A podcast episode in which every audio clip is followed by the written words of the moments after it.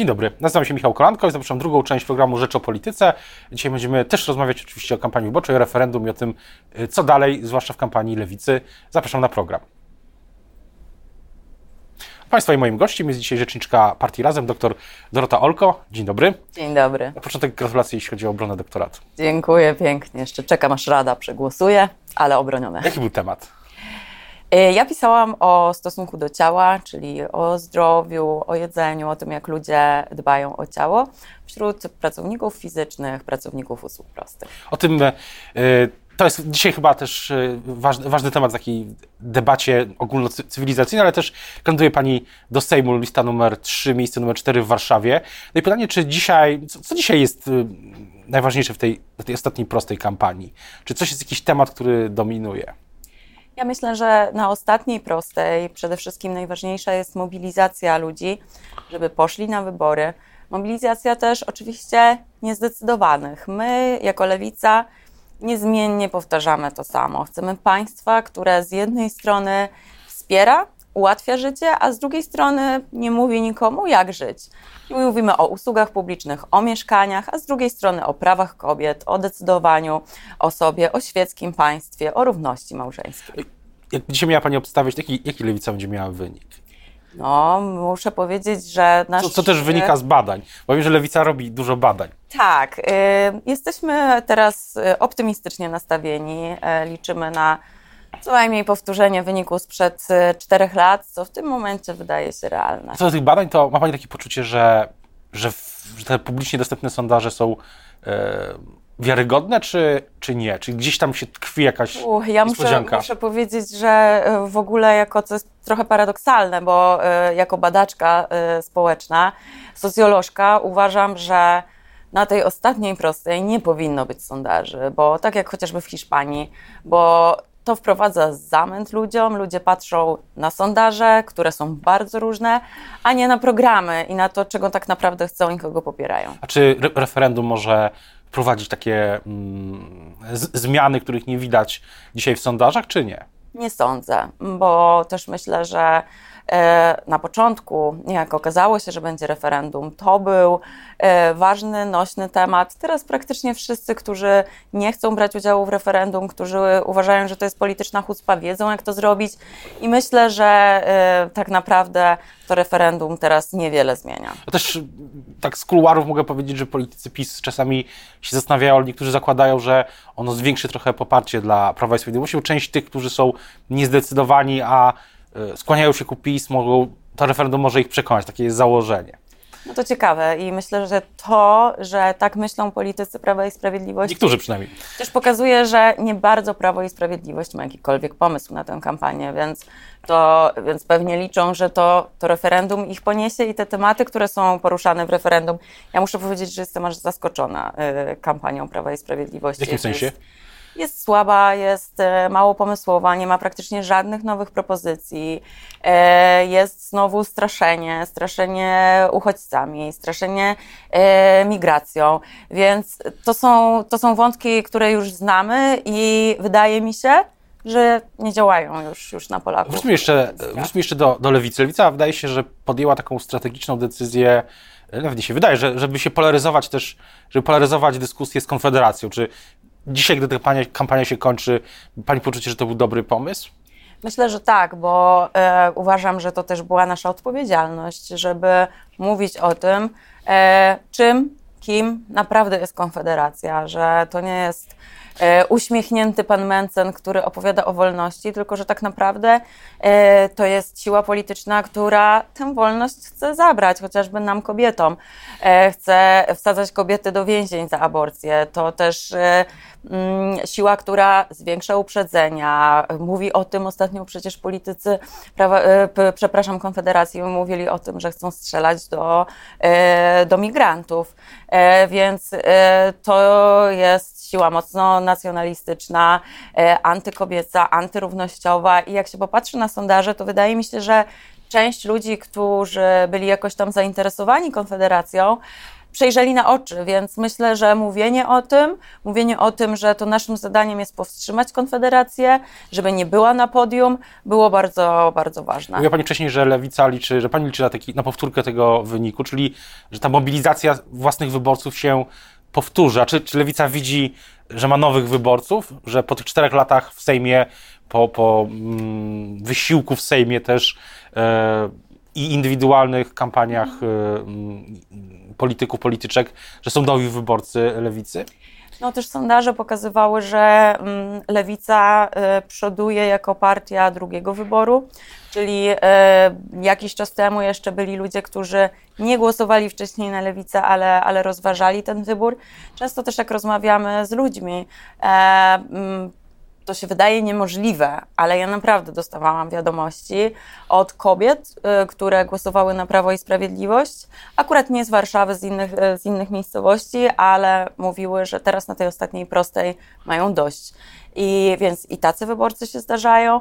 No i myślę, że też wyborcy y, już opozycyjni, że tak powiem, e, też na ostatniej prostej e, decydują i mogą zmieniać e, swoje no Właśnie, wydaje się też, że patrzymy na te sondaże wewnętrzne, czasami się można o nich dowiedzieć, czy te publicznie dostępne, to wydaje się, że głównie, że przepływy są, nie mówię tu o lewicy, ale tylko, ale że przepływy są właśnie w ramach tego bloku paktu senackiego przede wszystkim. Koalicja obywatelska traci, zyskuje Hołownia i zyskuje lewica. Tak to, taki, tak to mniej więcej wygląda. No też yy, myślę, że nie ma się co dziwić, bo yy, też w badaniach widzieliśmy, jak bardzo ludzie są zmęczeni polaryzacją i powiązaną z nią taką brutalną polityczną walką między dwoma, nawet można powiedzieć, plemionami e, zwaśnionymi. To bardzo zniechęca ludzi w ogóle do polityki, do śledzenia jej. E, I myślę, że nawet jak nie, nie śledzą tego życia politycznego na bieżąco, to przez te ostatnie dwa tygodnie, tydzień, teraz jest ten moment, zaczynają rozważać i, i często to jest właśnie głos za czymś nowym, bo co ciekawe, wyborcy często tak mówią, czy, czy o nas, czy o trzeciej drodze, że to jest, to jest zmiana, to jest coś nowego. To jest ostatnia, też jest taka teza, że to jest ostatnia taka kampania, w której ta polaryzacja, zwłaszcza personalna, jest tak silnie widoczna, że za 4 lata, jeśli wybory będą w terminie oczywiście, to już będzie naprawdę nowy. Tak mówi też, tak mówi na przykład Szymon Hołownia, że to będą, będzie inne, inna Polska, inne wybory. Mam nadzieję, mam nadzieję, bo myślę, że e, Polska, Polacy, Polki są wykończeni tą polaryzacją tak naprawdę, bo jasne, są jakieś małe grupki tych, e, tych fanów naj, najwierniejszych, aktywnych na e, portalu X, dawnym Twitterze, którzy nakręcają tę, e, tę polaryzacyjną walkę, ale zwykli ludzie, zwykli obywatele, jak na to patrzą, to już mają takie, tego się nie doogląda. Wydaje się, że, że lewica była w jakimś sensie Teraz nie, bo teraz tak to się trochę zmieniło, ale przy głosowaniu w sprawie KPO wiele lat, wiele lat temu, dzisiaj już mało kto o tym, y, to już jest coś historii, że, że Lewica też była w jakimś sensie ofiarą tego, mm, tej polaryzacji wtedy, że ten ostrzał wtedy był dosyć silny po tym, jak Lewica mm, poparła decyzję o mm, uruchomieniu tych zasobów własnych y, Unii. Jasne, tutaj y, no to też wynika z tego, o czym mówiłam. Jak tylko ktoś się trochę wyłamie y, z tej, z tej logiki i myśli o konkretnych decyzjach, o konkretnych celach, co, co, co chcemy zrobić dla, dla ludzi, jakie mamy cele, to no to dostaje często po głowie od tych właśnie najbardziej zaangażowanych fighterów. Ale też y, koniec polaryzacji oznacza koniec ich znaczenia. Yy, tak, i myślę, że będzie trudno się odnaleźć yy, tym, tym obozom yy, po wyborach. I bardzo, szczerze mówiąc, bardzo na to czekam, bo jak widzę też, ile w tym jest właśnie agresji, takiej absolutnie, no, takiej tępej agresji, E, to mnie to przeraża. Właśnie scenariusz po wyborach. Też e, rozmawialiśmy o kampanii, o referendum, o mobilizacji, polaryzacji, ale też jeszcze, jeszcze jest jedna rzecz, właśnie scenariusz powyborczy. Bo wydaje się dzisiaj, że z większości tych sondaży wynika, że Prawo i Sprawiedliwość będzie miało więcej głosów, więcej mandatów niż Koalicja Obywatelska, co oznacza, że w pierwszym kroku konstytucyjnym to do PiS będzie należała inicjatywa. Co, co dalej, co, co wokół tego, jak się też będzie y, lewica mm, do tego przygotowywała? Zobaczymy. Ja myślę, że E, teraz powinniśmy się skupiać na maksymalnej, tak jak powiedziałam na początku, mobilizacji i ten wynik jest, y, jak pokazuje większość sondaży, y, w, jest bardzo na styk. I, I nawet jak będzie tak, że Prawo i Sprawiedliwość będzie miało rzeczywiście najwięcej, najwięcej głosów, co jest prawdopodobne, no to tak, no przejdziemy przez ten pierwszy konstytucyjny krok, ale ostatecznie to wierzę, że to opozycja będzie miała większość i, i będzie miała tę realną, e, koniec końców, misję tworzenia rządu, i wtedy tak naprawdę zacznie się najważniejszy moment, bo wtedy zacznie się moment rozmawiania o naszych priorytetach, e, o kompromisach, e, także e, w, w ramach dzisiejszej opozycji, a wierzę, że koalicji po wyborach. Też jest tak, że mm, to wszystko ma swój czas wyznaczony w Konstytucji, a czy opozycja od razu powinna przejść do, y, przejąć inicjatywę, zwłaszcza, bo są tak naprawdę możliwe dwa scenariusze. Albo PiS i Konfederacja będzie miała większość y, powyżej 231, albo będzie miała większość opozycja po, po, po niedzieli. Y, czy, czy jeśli ten drugi scenariusz będzie, zostanie zrealizowany, to opozycja będzie od razu próbowała przejść do inicjatywy, przejąć, przejąć inicjatywę polityczną, nie konstytucyjną, tak. nie prawną, tylko polityczną. E, no myślę, że to jest oczywiście, trudno mi mówić za całą e, opozycję.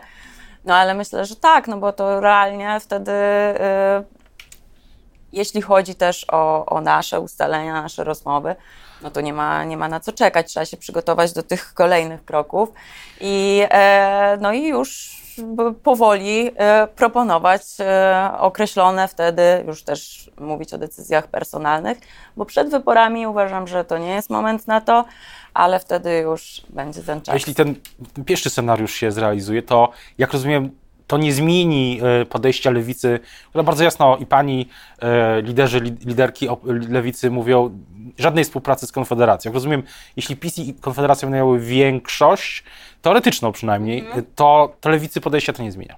Nie. To jest, to jest z naszej strony bardzo jasne i to będzie bardzo konsekwentne stanowisko. Nie można współpracować e, z siłą polityczną, która jest nacjonalistyczna, faszyzująca w części. E, I my tutaj mówimy twarde nie i chciałabym, żeby wszystkie siły opozycyjne tak do tego podchodziły. O tym, co będzie po wyborach, będziemy już wkrótce wiedzieć. 72 godziny do e, ciszy wyborczej i kilka, e, później, później dwa dni i będzie pierwszy, będą pierwsze wyniki exitów. Zobaczymy, jak się to ułoży. Teraz bardzo już dziękuję za rozmowę. Dziękuję. Państwa i moim gościem dzisiaj była dr Dorota Olko, rzeczniczka partii Razem, kandydatka na warszawskiej liście Lewicy. Dziękuję bardzo. Dziękuję bardzo.